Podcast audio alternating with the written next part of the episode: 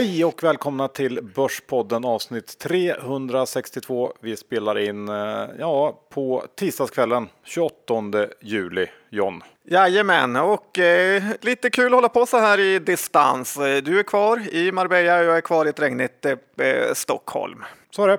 Och kvar är också vår huvudsponsor som såklart är CMC Markets. Eh, de har ju ett fantastiskt tradingutbud och så här i semesterstider vill vi igen slå ett extra slag för deras prisbelönta app. Eh, den är grym, eller hur John? Ja, verkligen. Eh, har man semester så är det väldigt kul att logga in där, titta hur eh, aktierna rör sig och dessutom att kunna ta i en trade kort som lång i nästan alla av jordens bolag. Så extremt viktigt att ha CMC-appen. Ja, och glöm heller inte bort deras ETF-handel. De har marknadens bästa villkor. Handla alla amerikanska ETFer utan innehavskostnad. Det är 9 dollar i fast courtage oavsett storlek och fem gånger hävstång. Nej, det är inget att tveka på. Men kom ihåg, det finns alltid risker med CFD-handel. Idag eh, kommer vi att gå igenom massor av rapporter igen. Det finns en del att eh, titta på som vi inte har pratat om än. Ja, verkligen. Både de här megahypade bolagen, men också några förlorarbolag som eh, i princip har halverats eh, av det här. Och jag tror Johan, du ska gå igenom de eh, spelbolagen som har kommit också, eller hur? Så är det.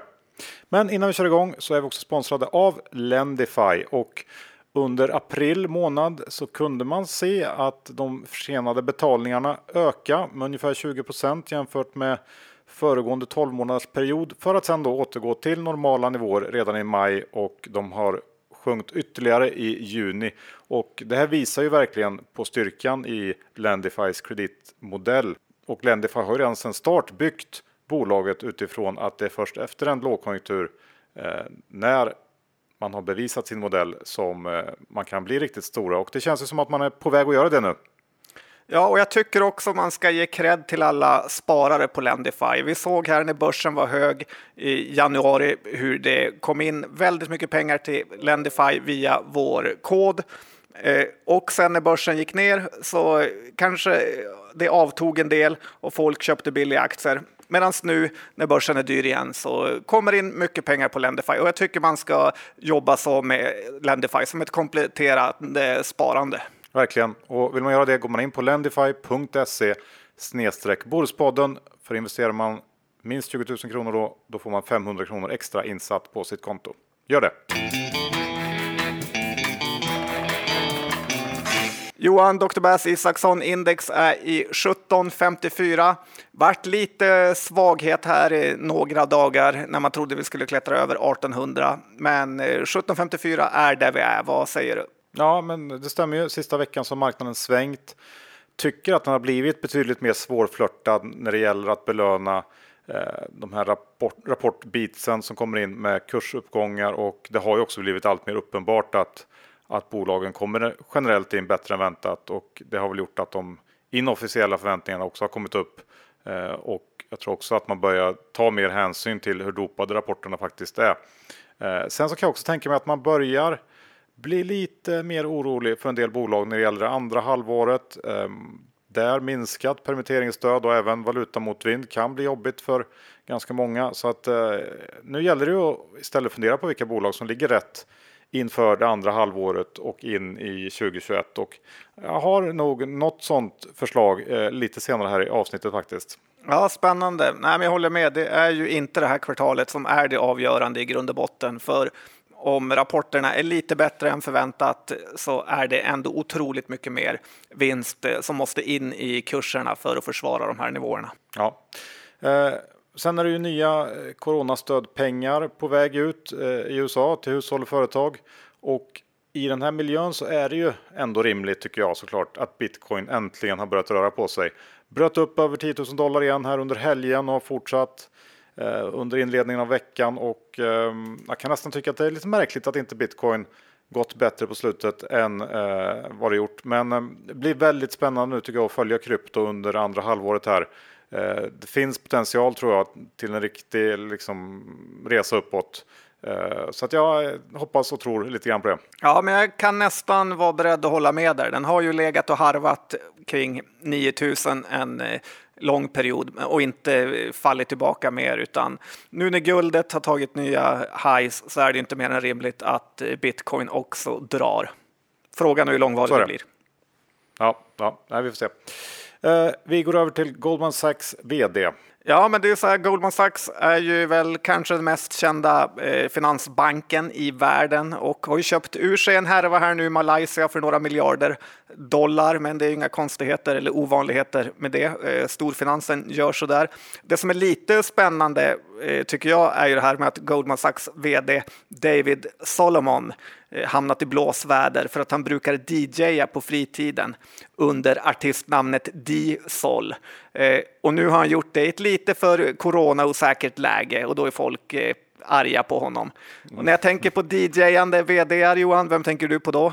Ja, den jag tänker först och främst på är ju eh, Flexcubes vd Anders Fogelberg. Han är ju en eh, känd Värmlands-DJ får man säga. Ja, DJ med det legendariska namnet Bird Mountain. Ja, det är ju lite diesel-läge. Även Capital har ju haft lite DJ-ambitioner. Så att det kanske är något med finanspersoner eh, ja. och DJ. Eller så ja, är det bara är det. centrumbarn som det kallades på gamla goda. Eh, men i alla fall... även eh, Henrik Ekdahl Persson eh, har väl också lite DJ-ambitioner. Tycker jag har sett om man följer honom på Instagram. Mm. Ja, så är det. Nej, men D-Sol eller David Solomon är ju då annars mest känd för att han försökt göra Goldman lite mer easy going och eh, dels har han tagit bort den här strikta dresskoden som Goldman eh, tidigare har varit kända för. Men han har också sagt att man ska försöka minska maxjobbtiden för personalen. Eh, från 90 timmar i veckan till 75 timmar i veckan. Om det inte är nära en deal closing. För då måste man faktiskt förstå att eh, man måste jobba.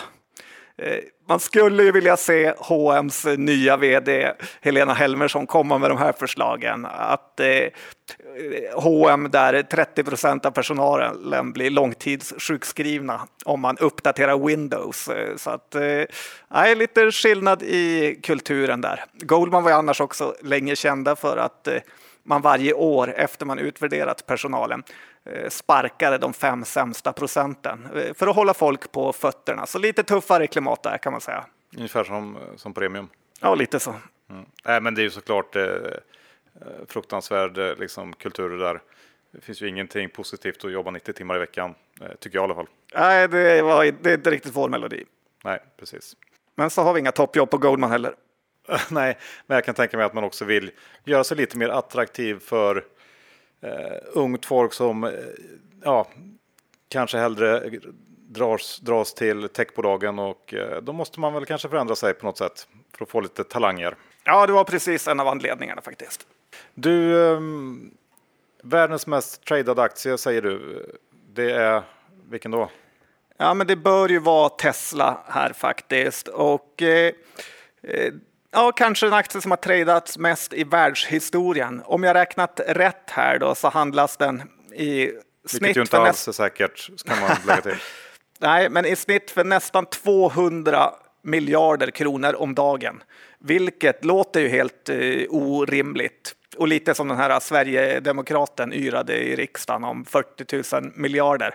Eh, men jag tror faktiskt ändå det här stämmer, för jag har kollat att det omsätts ungefär varje dag 14 miljoner Tesla-aktier och en aktie kostar 1500 dollar och eh, i kronor är det ungefär 13 000 kronor så att eh, ja, det blir ungefär eh, 200 miljarder. Och tittar man då på Teslas börsvärde som är 280 miljarder dollar så blir ju då det ungefär som att det omsätts 7-8 procent av bolaget dagligen, vilket ändå låter hyfsat eh, rimligt.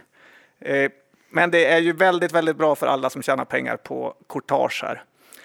En annan grej som är spännande med Tesla här är ju att de har tjänat pengar nu fyra kvartal i rad. Eh, har du hängt med på det? Ja, jag har noterat det. Och det innebär ju att man då har chans att komma in i S&P 500 eh, och är väl en del av det som har triggat aktien här sista månaden då aktien på en månad gått upp 40 procent och eh, ja, man tror väl att den kommer stiga ännu mer när alla jordens indexfonder då tvingas köpa in sig i Tesla. Eh, ja, och det är just en av de här anledningarna som gör att man inte respekterar indexfonder. Och eh, det som också har varit en stor grej här är ju att det mesta av Teslas vinst, eller i princip all och lite till faktiskt, är ju att Tesla säljer någon typ av utsläppsrätter som man får av staten för att man är ett miljövänligt bolag. Så att eh, bilarna går fortfarande med rätt stor förlust. Ja, det är ett otroligt märkligt företag det där, men eh, ja, jag sitter vid sidan om och tittar på bara. Det känns eh, säkrast att göra så. Okej John, då är det dags att gå igenom ett antal bolag. Eh, jag eh, tänker börja med ett av börsens absolut mest hatade bolag som rapporterade i fredags. Vet du vilket jag tänker på? Mest hatade? Eh, nej, faktiskt inte. Jag har så många på den listan så att eh, jag vet inte. Nej, men Loomis. Ja, men det hatar jag ju jättemycket så att eh, ja. Ja, jag, jag, min känsla är väl att börsen också inte riktigt uppskattar de kvaliteter som Loomis har. Men de eh, levererar i alla fall en rapport som var ganska rejält mycket bättre än väntat. Fin lönsamhet eh, som drevs av verksamheten i USA eh, och tittar man på Europa så bör det väl kunna eh, bättra sig där framöver från väldigt låga nivåer och det här eh, är också ett bolag med en uttalad förvärvsstrategi. Eh, gissningsvis kommer det att finnas eh, fina möjligheter framöver till förvärv för Loomis. Eh, jag såg att vdn var ute i DI och snackade om det här också. Att det finns en del konkurrenter som kan komma hamna i trubbel och på något sätt så är ju Loomis ändå ett kvalitetsbolag men som verkar i en väldigt tråkig bransch kan man säga och den här på nytt, på nytt födda kontantoron som ja, den har funnits där länge men den har väl fått en, en renässans i och med coronan. Eh, tycker ändå att det känns som att den kan ha gått lite väl långt eh, och min känsla är att marknaden på, ja, på lite så kort mellanlång sikt är för negativt inställd till det här bolaget som oftast ändå brukar leverera. Och eh, den här aktien är ju ner 50% i år nästan. Eh, jag tror att det finns ändå okej okay möjligheter under hösten för Loomis faktiskt. Ja, men jag känner väl dels att marknaden länge har ah, värderat upp det här bolaget alldeles för högt med tanke på vilka risker som var helt eh, uppenbara. Och sen är ju den här coronagrejen helt eh, katastrofal för Loomis. Dels att alla butiker är stängda och att butikerna inte ens vill ta kontanter för att ingen vill eh, röra i dem. Så att, jag känner snarare att, att det är ju inte snorbilligt heller om vinsten går tillbaka, utan kanske P9-10. Så att eh, nej, jag tycker inte att ja, det verkar chansa på Loomisar. Det tycker jag ändå är, för billigt för ett sådant kvalitetsbolag som det ändå är. Eh, sen finns det också fördelar med att vara eh, liksom bäst och marknadsledare i en bransch som de flesta inte bryr sig om. Det finns ju möjlighet att till exempel göra bra förvärv och, och ja, men tjäna ganska mycket pengar och det är väl det Loomis har gjort ganska länge och jag tror att det kommer fortsätta ja, ett tag till ändå. Coronan kommer inte döda pengar. nu låter det precis som vdn själv. Det man får liksom ge vdn är ju att han har utstrålar ju en väldig alfahanighet Eh, så att, ja, jag säger inte toksälj, men jag är inte lockad ändå. Nej, nej, nej. Trist, jag har försökt i alla fall. Vi går över till eh, någonting helt annat. Hypade bolag, för det är ju inte Loomis, utan du har tagit upp, eh, hittat två stycken hypade bolag. Ja, men då kan vi direkt gå på bolaget som är liksom anti-Loomis och det är ju Swipe. Eh, Swipe med eh, Z då. Och det är ett bolag som haft en helt sinnessjuk uppgång sedan botten i mars. Då stod den i 3 kronor och eh, nu står den i 18. Och Swipe är väl känd för den bredare massan. Eh, ja, det är väl kanske att ta i om man säger så, men för de som älskar börsen och känner till mycket om bolagen är det väl känt för det bolaget som har det här kontantkortet eh, eller kontokortet då, med fingeravtryck på själva kontokortet. Även om de har en del andra grejer med.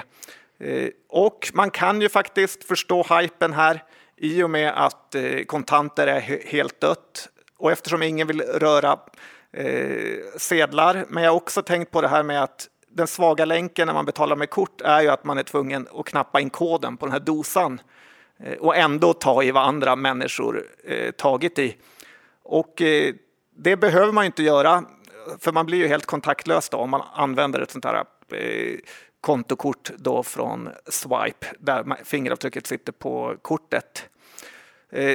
Swipe är nu ett börsvärde på över 450 miljoner kronor Och på den här nivån tycker jag att man ska komma ihåg att det är bortom förhoppningsbolag då bolaget inte har någon eh, planerad eh, liksom, större försäljning närmsta tiden här.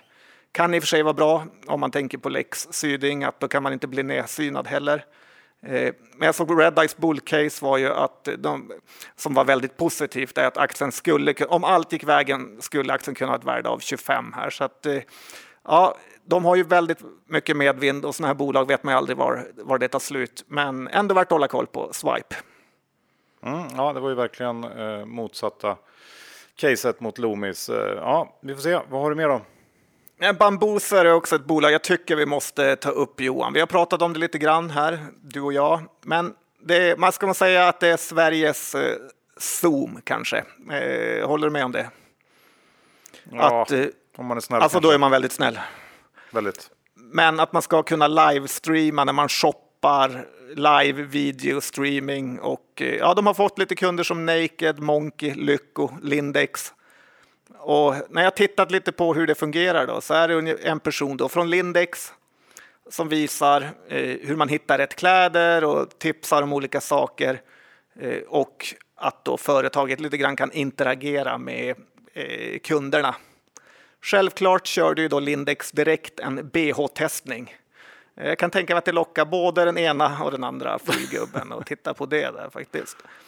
Men eh, eh ja, från början av 2020 så har ju Bambuser gått nu tio gånger pengarna faktiskt och eh, det får man ju säga är otroligt. Det är inte ofta man ser en tiodubblare på börsen på bara några månader här. Vi har sett några tunga investerare som TIN-fonder har ju gått in i bolaget här och eh, bolaget själva har ju inte snålat med pressmeddelanden en sak jag tycker är lite underlig är att de här ordrarna, det är inga jättepengar utan snarare 100 000 kronors klassen här. Så att, eh, nej, tittar man på bolag som Net Insight och sånt så ser man att det är nästan omöjligt att leva upp till hypen man en gång får. Eh, så att eh, ja, varken eh, Swipe eller Bambooser är något som är i närheten att locka mig på de här nivåerna. Ja, Bambooser låter ju helt värdelöst måste jag säga. Nu går vi över till eh, ett, eh, en aktie och ett bolag som jag tror ändå skulle kunna Eh, bli en vinnare under andra halvåret. Och eh, det är Mekonomi jag tänker på. Tittar vi på Bilia så var de ute med en omvänd vinstvarning för ett par veckor sedan. eh, och den eh, var väl driven till stor del av deras serviceverksamhet och ehm, här finns det likheter med Mekonomen eller paralleller att dra.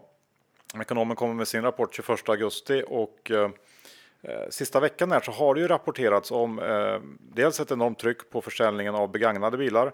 Juni var tydligen den bästa månaden någonsin för begagnathandeln och om man också tittar på drivmedelsförsäljningen så var försäljningen av bensin eh, uppe på samma nivå i juni som under förra året. Så där har man också liksom eh, ja, tagit tillbaks tappet. Eh, och sen ska man också komma ihåg att Mekonomen är en vinnare på den senaste tidens valutaförändringar. Det är inte så många bolag som är det, men de har stora inköp i euro och eh, stor försäljning i NOK. Eh, bägge de här valutorna har rört sig i alla fall i rätt riktning under sista kvartalet här och eh, valuta var ju också en stor anledning till det här stora vinsttappet man hade under Q1.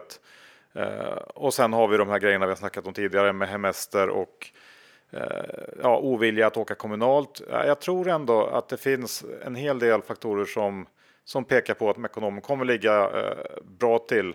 Eh, får se om det blir redan i Q2. Jag tror att det kommer att vara, en hel, ett helt okej kvartal, men kanske framför allt här under andra halvåret och, och framåt.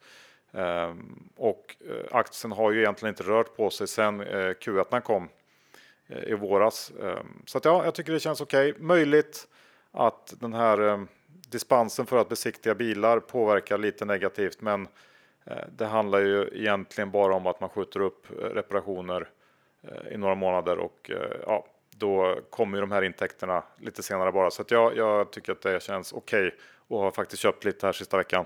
Ja, jag tycker att du har några poänger.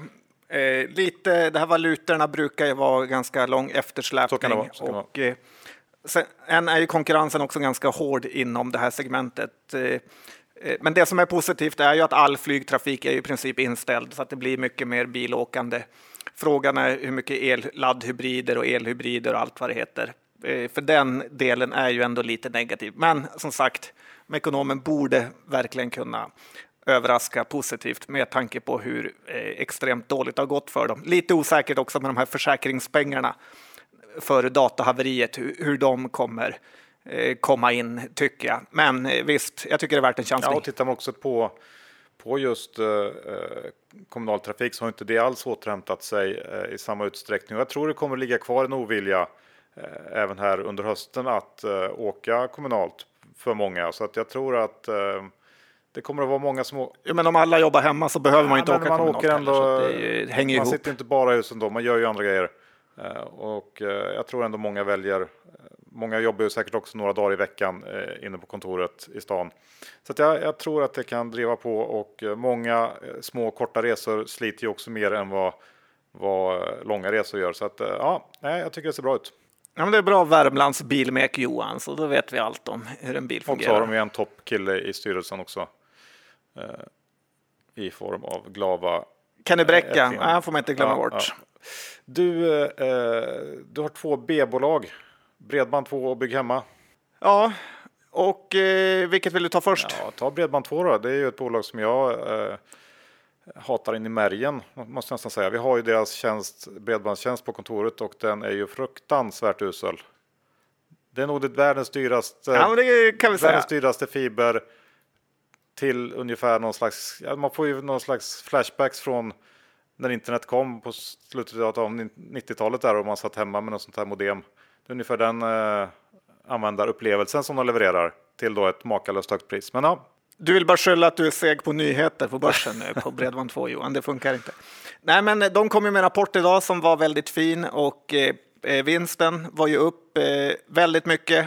Omsättningen bara upp eh, 9 procent, även om jag kan tycka att det är helt okej. Okay. De säger att de fokuserar på lönsamhet nu och eh, att man kan förvänta sig lite kundtapp då de tänker sluta elda för kråkorna. Ja, check på det. Eh, jag tror ju att sådana här bolag som jag tror att sådana här bolag inom bredband har ju framtiden för sig och eh, att eh, ja, det vi, jag tycker rapporten visar det. Bredband, bredband som infrastruktur är en bra sektor att vara i. Intressant att Ibras kompis Örjan äger 40 miljoner aktier här i Bredband2. Så nu har ju det gänget lite mer krut att leka med. Benson satte köp också på aktien i Affärsvärlden och tror att den ska gå mot två kronor. Så att, ja, jag tyckte Bredband2 levererar en fin okay, rapport. Ja. Bra, hur var det med Bygghemma då? Ja, Bygghemma eller Bygghemma Group, BHG som de gärna vill kalla sig nu när de har klivit över 12 miljarder i börsvärde. EQT är största ägare här och visar väl återigen varför man är bland de bästa på att eh, skaka fram eh, pengar eller att göra bolag ännu bättre. Tycker att det luktar lite placing-läge här nu med tanke på den otroliga uppgången. Eh, aktien har gått upp 40 procent på en månad och det gick upp en hel del när de köpte mikrobolaget Slipo eh, faktiskt också. Eh, det som är intressant är att bolaget har gått upp, gått upp så här mycket under en period där man lite har pratat om att man ska skifta från coronavinnare till eh, coronaförlorare. Eh, vill du titta lite på rapporten Johan? Ja. Så var ju det en eh, slam dunk får man väl ändå säga. Det var jättebra resultat, omsättningen som steg hur mycket som helst, marginalen blev bättre, de gick från nettoskuld till nettokassa. Och jag kan förstå lite varför, för jag håller på att renovera övervåningen i mitt hus nu och gick till en byggbutik och skulle kolla på golvet då skulle den butiken ha 55 000 medan Bygghemma skulle ha 42 000 och eh, dessutom skulle leveransen vara betydligt eh, snabbare. Byggfirman jag jobbar med sa att eh, Bygg Hemma är nästan alltid billigare än till och med deras egna grossister så att eh, ja, de rekommenderade att köpa allt eh, därifrån. Lite kan jag tänka den här storyn om, tänk om Byggmax hade satsat på bygg eh, hemma istället för Skånska Byggvaror så hade det varit en helt annan story. Eh, det här förvärvet av Slipo då, det ja, känns som obetydligt egentligen att man eh, säljer sängar och inredning online, men är ju verkligen ett mikrobolag med bolagsvärde på 50 miljoner efter budet, eh, så att det kan väl inte göra någon jättestor eh, impact. Bygghemma har ju tidigare köpt den här värdelösan Chili, vilket eh, lurade mig att bli lite tveksam till bolaget om de mest velat höja omsättningen. Eh, för att jag tycker det köpet var extremt märkligt. Samtidigt så verkar ledningen här vara genialiska. Och det bästa med aktier är att man bara kan haka på smarta personer. Man behöver inte vara så smart eh, själv. Men som sagt, på 119 kronor här vägrar jag köpa. Ja, och det är ju ändå lite läskigt med sådana här förvärvsmaskiner tycker jag ändå. Förr eller senare så tar det slut. Ja, ibland, men frågan är på vilken ja, kurs. Nu, nu är det dags för ett spelbolagssvep. Eh, många av spelbolagen har rapporterat och eh, vi samlat ihop dem här den här veckan. Eh, jag tänkte kan börja med, med operatörerna Betsson Kindred som har kommit in. Bägge två bättre. Betsson växte organiskt 12 procent i Q2. Det var bättre än väntat och Eh, resultatmässigt kommer man in ungefär 10 procent bättre än väntat och eh, den kanske viktigaste punkten av allt i rapporten, det var ju trading-updaten för Q3 och eh, de dagliga snittintäkterna var upp med 35% här i början av Q3 då, jämfört med förra året. Det var långt över marknadens förväntningar. Trots det så handlade man ner den här aktien 10% på rapporten och det är väl ungefär där den står nu fortfarande. Det är möjligt att den här sektorkollegan GVC och deras legala problem i Turkiet som dök upp samtidigt ehm, spelade in här. Jag vet inte, men när det gäller Turkiet så har det ju alltid varit rätt att inte betta mot Pontus eh, Lindvall och eh, ja, tittar man på på eh, estimaten efter rapporten så tror jag att de, ja, men de har väl kommit upp 5-10 samtidigt som då aktien är ner 10. Eh, det, ja, men det känns väl ändå som att eh, det kan vara ett hyggligt läge i Betsson eh, på de här nivåerna och Kindred var ju lite samma sak. Får jag bara säga en sak om den här uh, trading updaten ja. Johan? Att jag inte riktigt eh, köper den. För jag menar, det har ju varit så otroligt mycket mer matcher i juli i år än det har varit tidigare. Det har aldrig spelat så mycket eftersom man har försökt komma ikapp med Premier League och Serie A och La Liga. Så att, eh, jag tycker det inte alls är konstigt att den är så mycket högre än eh, tidigare. Och man kan nog förvänta sig ett riktigt, riktigt uselt augusti istället. Ja, alltså, nej, det är inte så konstigt, men det var ju ändå eh, väldigt mycket högre än vad de analytiker som följer Betsson eh, hade räknat med. Och, och, visst, så är det ju, men, men eh, det var ju å andra sidan inga matcher i, under stora delar av Q2 och ja, det funkade också. De växte 12 procent i Q2, så det, ja, man får väl ta, ta det här året lite grann över, smeta ut det lite grann. Uh, och visst är, är det liksom boostat just nu av massa matcher. Eh, så är det ju eh, och det tror jag. Det är ju också en förklaring till att de här aktierna inte har gått liksom lika bra som som de här updatesen indikerar får man väl säga. Så är det ju. Men jag tror också sådär att när det är tio matcher i Premier League per dag. Det någonstans avtar ju marginalnyttan med varje ny match och folk har ju ändå inte hur mycket pengar som helst att spela för så att jag, jag är osäker också på hur extremt mycket det har gett den här enorma, liksom, enorma utbudet av matcher. Ja, men jag kan tänka att de som hejar på AIK spelar på AIK, typ. Att det är ändå ganska bra för dem. Ja, det är möjligt, men ja, ja. visst. Vi går vidare till Kindred. Eh, det var ju liknande eh, rapport. De var i och för sig ute med en omvänd vinstvarning, men när de sen släppte de faktiska siffrorna i fredags så var det i linje med vad man hade eh, kommunicerat. Aktiva kunder var upp 21 procent. Deras Q3 trading update var visar på plus 40 procent i början av Q3 och här låg förväntningarna på 8 procent så att ja, jag vet inte riktigt hur de hade räknat, men det var. Analytikerna har ju inte gjort jobbet. nej, nej, uppenbarligen inte. Eh, men så var det i alla fall. Och även Kindred tappar på sin rapport, inte lika mycket som Betsson, men några procent. Um, och um, som du säger, det är väl svårt att, att liksom extrapolera den här utvecklingen. Så man får väl se också uh, när vi kommer lite längre in i Q3 uh, eh, hur det ser ut och, och, också hur, hur utvecklingen i USA går. Ehm, och en kul detalj när det gäller Kindred är ju att USA står för 2,5 procent nu av intäkterna. Det är ju inte jättemycket, men ändå, ändå eh, börjar ändå bli så att det syns och eh, tycker att det känns som att de fått en bra start eh, där borta. Ja, det var lite trist när Kindred fick vinstvarna för att de hade blåst, jag vet inte vad det var, 70-80 miljoner i USA och alla var arga på Henrik Tjärnström. Men eh, nu börjar de få lite valuta för de pengarna så att det vore ju kul om svenska bolag lyckades där borta i staterna. Ja, och då känns det ju ändå som att på operatörssidan så är det ju Kindred som, som är alternativet tycker jag i alla fall. Eh, ska vi gå över till Kambi? Och där drar ju också mycket eh, sport igång. NHL nu och eh, basebollen. Och, ja, sen har vi ju NFL här i, i höst, så det ska bli väldigt spännande att se ja, hur det exakt. går. Jag tänkte komma till det nu när det gäller Kambi. Eh, deras rapport var också bättre än väntat. Eh, där tappar man ju 32 procent på, på topline, men eh, det var ändå 24 procent bättre än väntat och man kom in på en, en förlust, ebit-förlust på 3,4 miljoner euro mot väntade 5,9. Så det, kvartalet i sig spelar inte så stor roll när det blev som det blev. Um, och eh, det de säger är ju att i juni så var man tillbaks eh, på eh, omsättningstillväxt igen. Eh, så gissningsvis då går man in i Q3 med ganska fina, fina siffror.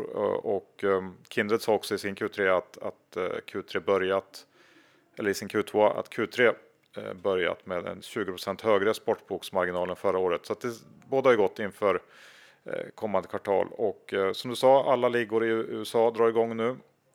Eh, driver väl också på, men det finns ju, har jag noterat, en viss oro här kring om man verkligen kommer kunna komma igång som planerat. Eh, det har blivit en del inställda matcher på slutet. Jag såg att det var någon baseballmatch som var inställd här i, i dagarna och så där. Så det är lite eh, oroligt när det gäller corona i USA och sporten. Eh, det får man väl hålla koll på och utöver det så var väl det stora i samband med rapporten nyheterna kring eh, avtalen med DraftKings och eh, Triple 8. Eh, två kunder som man sedan länge vetat om att de ska lämna, eh, men nu kom det lite mer ja, förtydliganden kring datum. Eh, DraftKings eh, kommer ju lämna september 2021 och Triple 8 kommer att flytta över sina spelare i UK och alla deras dotcom marknader till sin egna plattform innan årsskiftet. Och aktien var ju ner en hel del på, på den här rapporten. Och här gissar jag att, att det har väl att göra med de här Draftkings och AAA-nyheterna. Även om man har vetat om det så blir det lite negativ stämning när man får det svart på vitt sådär. Och, eh, eh, ja, jag har också noterat att många på Twitter är besvikna på att man från Kambis håll inte varit hårdare mot Draftkings. Eh, att man helt enkelt varit för snäll i hela den här processen med att byta plattform till SBTech. Eh, det är möjligt att det finns poänger i det, men eh, i min mening så är det nog något man borde ha tänkt på och förhandlat sig till från första början och det är nog svårt att göra så mycket åt det i läget man är nu. Eh, mer än att agera precis som man har gjort, det vill säga leverera en så bra tjänst som möjligt och, och visa branschen att man, man är ett bolag och, och lita på. Så jag tror inte att det är något konstigare än så egentligen. Nej, det är lite konstigt att ha taktik och vara elak med sina kunder. Det brukar inte vara så lönsamt. Det finns en anledning att de sitter och skriver på Twitter och att eh, Nylén sköter eh, bolaget. Yes. Eh, sen har vi Catena Media. Och ja. en sak till, lite, får jag bara säga, lite lite är det ju ett härvproblem med Kambi att de hela tiden håller på att tappa kunder och så. Det ger inte den här stabiliteten som man kanske ser i Evo eller ett, något annat bolag som har den här jättehöga värderingen. Så att, nej, eh, lite besviken är jag också på Kambi. Ja, men så är det ju. Jag håller med, jag håller med om det. Eh, att när kunderna blir tillräckligt stora så finns det, ja, många verkar tycka att då är det eh, intressant att plocka in allting in-house Eh, Eh, så det är klart, där har man ju en nackdel jämfört med till exempel då Evolution eller Nettan för den delen. Eh, så är det, men eh, trots det så finns det ju många som kör på och jag tror också att man blir lite färgad av, det är ju bara två kunder som har lämnat, det är ju de här två och att det skedde liksom nära varandra i tiden och, och sådär. Ja, vi får se, men jag tror fortfarande på Kambi och att det finns betydligt mer att, att ta för dem trots det. Ja, vi lämnar Kambi nu. Eh, Catena Media, de var ju också ute med omvänd vinstvarning. Eh, bättre än väntat. Ehm, eh, och här, det här var ju faktiskt en spelbolagsaktie som steg rejält eh, på sina eh, siffror. Men den har ju också varit betydligt mer pressad än de flesta eh, andra bolag här i sektorn. Och intressant nog så var ju den här Q2 det bästa kvartalet eh, i Catena Medias historia. Sett både till omsättning och vinst. Ehm, och trots då att den har gått upp ganska mycket från, från rapporten. Nu har den tappat en del av den uppgången, men den är fortfarande ganska lågt eller väldigt lågt värderad. Eh, och här spelar ju säkert också den här nyligen genomförda nyemissionen en roll. Eh, och förra veckan gick man ut med utfallet av den här första teckningsperioden för de här varanterna som eh, de som tecknade sig i emissionen fick. Och jag blev förvånad över att så många valt att lösa in sina varanter, varanter direkt. Det var drygt 5,1 miljoner varanter som hade använts för att teckna nya aktier på 1890. Det är 11 eh, procent lite drygt av alla varanter som gavs ut i emissionen och eh, ännu konstigare var väl att 3,7 miljoner av de här varanterna löstes med cash istället för att använda det här hybridlånet. Eh, för hybriden kan man köpa kring 80 men använder man sen betal, använder man den för att betala för de nya aktierna så får man 100 för den. Så det är ju eh, ja, rent arbitrage att göra så. Eh, jag vet inte om det är så att det är många som inte förstår det här. Jag gissar det. Så det skulle kunna vara läge för Catena att gå ut och, och upplysa småspararna om hur det här funkar. Så ska man lösa in de här varianterna så ska man göra det med hybriden, eh, i alla fall som det är nu när man kan köpa det med, med rejäl rabatt. Helt enkelt. Så det är väl ett tips till alla som sitter på de här grejerna. Får de höra lite rätta tips av dig här som hur man tjänar pengar istället för att förlora pengar. Bra, har vi gått igenom den och vi tar lite kort bara om Evo och Nettan som man får ta i en klump nu. Eh, Evo var ju såklart bättre än väntat, men fanns det någon som inte trodde att de skulle slå prognoserna rejält. Jag tror inte det och då är väl frågan om det är bättre än väntat. Eh, den eh, problematiken lite grann i kombination med då storägaren Livingstones enorma utförsäljning har sänkt aktien en hel del sedan rapporten och eh, nu kanske det börjar gå lite väl långt men jag tycker ändå att det är men förståeligt i alla fall att det blir så. Och nettan kommer också in bättre än väntat. Inte riktigt lika starkt som Evo men det var ett fint kvartal även där. Ja, du får ju komma ihåg att Catena Media, Nettan, Evo och allt vad de heter är ju verkligen coronavinnare med. Så att jag kan förstå också om det kommer reaktioner på nedsidan där folk eh, tar hem vinsten eller chansar att eh, den enorma uppgången är över. Så att, men det kan ja, ju fortfarande vara köpläge när aktier tappar 100 kronor på i princip eh, ingenting. Ja, men det har ju varit en stor vinnarsektor på börsen i år. Nu har man fått en, en välbehövlig rekyl i de flesta aktierna egentligen, men jag tror ändå att det finns eh, bra möjligheter eh, även under andra halvåret i den här sektorn eh, och då kanske främst då bolag med USA koppling, för där är, är det som hetast just nu. Så att jag tror ändå att det finns mer att hämta här under hösten. Ja, men det var en bra genomgång av spelbolagen. Börspodden Exclusive. Ja, ska vi avsluta med lite fastigheter? Ja, men vi kan ju ta eh, lite av de här coronaförlorarna, för det är ju verkligen några av fastighetsaktierna. Vi har ju en trio, Pandox, Diös och huvudstaden har alla tre nästan tappat 50 procent eh, från sin topp. Pandox har ju sin klara eh, koppling till Scandic, så den tycker jag man kan helt hoppa över egentligen och titta på två fastighetsbolag som ändå är helt olika. Diös med sitt Norrlandsfokus och huvudstaden Eh, som är väl tvärtom då med Stureplans eh, fokus kan man säga. Eh, I Diös känner jag faktiskt att det finns faktiskt en möjlighet att man verkligen sitter med Svarte Petter här. Kontor och handelsfastigheter i Norrland. Eh, nu när jag turnerat runt i hela Sverige så får jag ju ändå en känsla av att småstädernas handelsområden är de som har drabbat eh, hårdast näthandeln har verkligen slagit ut hela gallerier och eh, ju mindre urval, desto mindre anledning att åka ner till stan eller köpcentrumet. Eh, samtidigt som man har tillgång till hela nätet även i ja, Borlänge. Och sen kontorsdelen i Dös som är stor har ju visserligen många statliga verk och myndigheter, vilket är bra, men de har ju till stor del också det inte, utan mer eh, vanliga kontor. Och eh, vi vet ju att eh, aktier är en storytellingbransch och så länge man har både den här kontors och butiksrädslan finns kvar så tror jag att aktiemarknaden kommer vara extremt eh, försiktig till DÖS. Eh, och vi kan också se ja, att DÖS tvingas till lite nedskrivningar här. Så att, nej, jag är inte så sugen på Diös trots nedgången. Huvudstaden då har vi sett mycket på Twitter här och det är lite märkligt när man läser att eh, fastighetsmarknaden är nästan lika het som tidigare och sen har bolaget som har de absolut bästa fastigheterna i hela Sverige kring Norrmalmstorg och så eh, halverats. Och eh, huvudstaden är också kända för att vara typ det enda bolaget eller fastighetsbolaget utan skuldsättning. De har väl lite, lite, kanske 10-15 procent jämfört med 50-60 som alla andra fastighetsbolag här. Vi har också sett hur huvudstadens vd, vd Ivo Stoppner har ju varit sjukskriven i ett halvår eller mer eh, för utbrändhet under den här eh, kurskollapsen. Så att det är kanske är dags att någon tar tag i det här skeppet nu. Är faktiskt en aktie jag skulle kunna tänka mig att köpa lite och jag undrar faktiskt också om det inte kan vara så att Lundberg lowballar här ett tag nu för att kunna köpa ut det då han redan äger 45 procent och hans eh, fastighetsbestånd ligger i Lundbergs företagen här så att eh, ja, det är inte så att Lundberg inte kört med lite fultricks förut och vunnit. Så vi kanske får se ett köp med egna aktier här. Lundberg, man får byta in lite huvudstaden-aktier och får Lundbergs aktier. Ja, intressanta tankar. Jag håller faktiskt med dig helt och hållet i bägge fallen.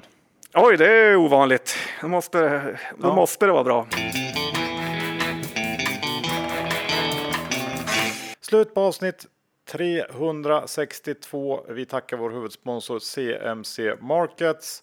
Eh, gå in och kolla runt på det här enorma utbudet av ETFer som ju är svårt att hitta någon annanstans. Eh, det är en bra möjlighet. Ja, verkligen. Det är helt eh, galet att inte ladda ner appen. Väldigt kul för underhållning om inte annat.